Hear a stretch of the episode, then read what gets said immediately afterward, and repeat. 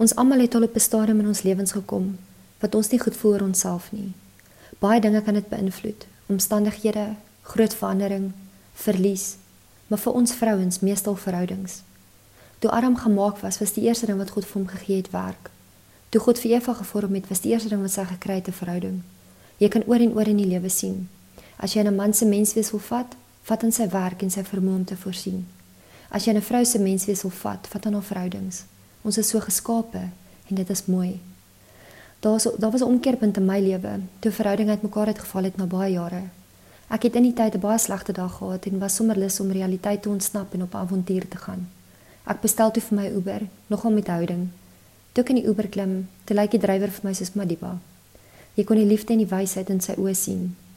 Hy staar toe vir my in sy triespieeltjie en vra met soveel deernis: "Hoe was jou dag?" En glim ek het hom vertel.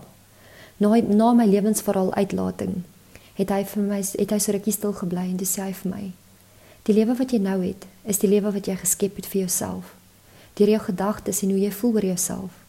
As jy iemand anders eerste prioriteit maak en jouself tweede sit, kan jy nie ongelukkig wees as daardie persoon jou tweede sit nie, want jy het hulle geleer om jou so te hanteer.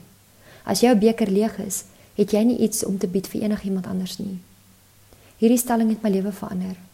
Hierdie is die sleutel om mooi en vol selfvertroue te voel. Dit begin binne en as jy die basiese beginsel reg kry, kom die uiterlike van self. Jy moet jouself in God eerste stel. Jy is 'n wenspan, glo my. Dink daaraan. Jy doen die wêreld te onreg aan as jy nie jou beker volmaak nie, want jy het 'n doel in hierdie wêreld wat net jy kan vervul.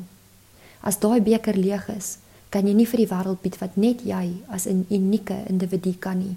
Dit is nie selfsugtig nie. Jy doen almal om jou 'n guns.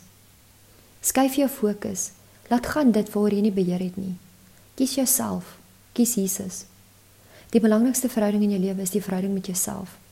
Matteus 22 vers 37 sê dat jy moet God lief hê met jou hele hart en jou naaste lief hê soos jouself. Hierdie moet om onvolmaak te wees. Begin deur jouself 100% te aanvaar, presies net soos wat jy nou is.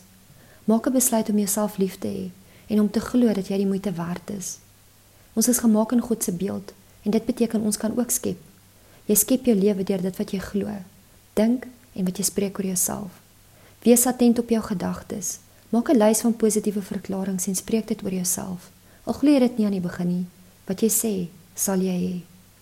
Dink aan wat jou gelukkig maak en maak tyd vir dit. Is dit koffie saam met 'n vriendin? 'n Bos vars blomme? Koop dit vir jouself. 'n Lang bad in laventelolie om die salon te besoek? Doen dit.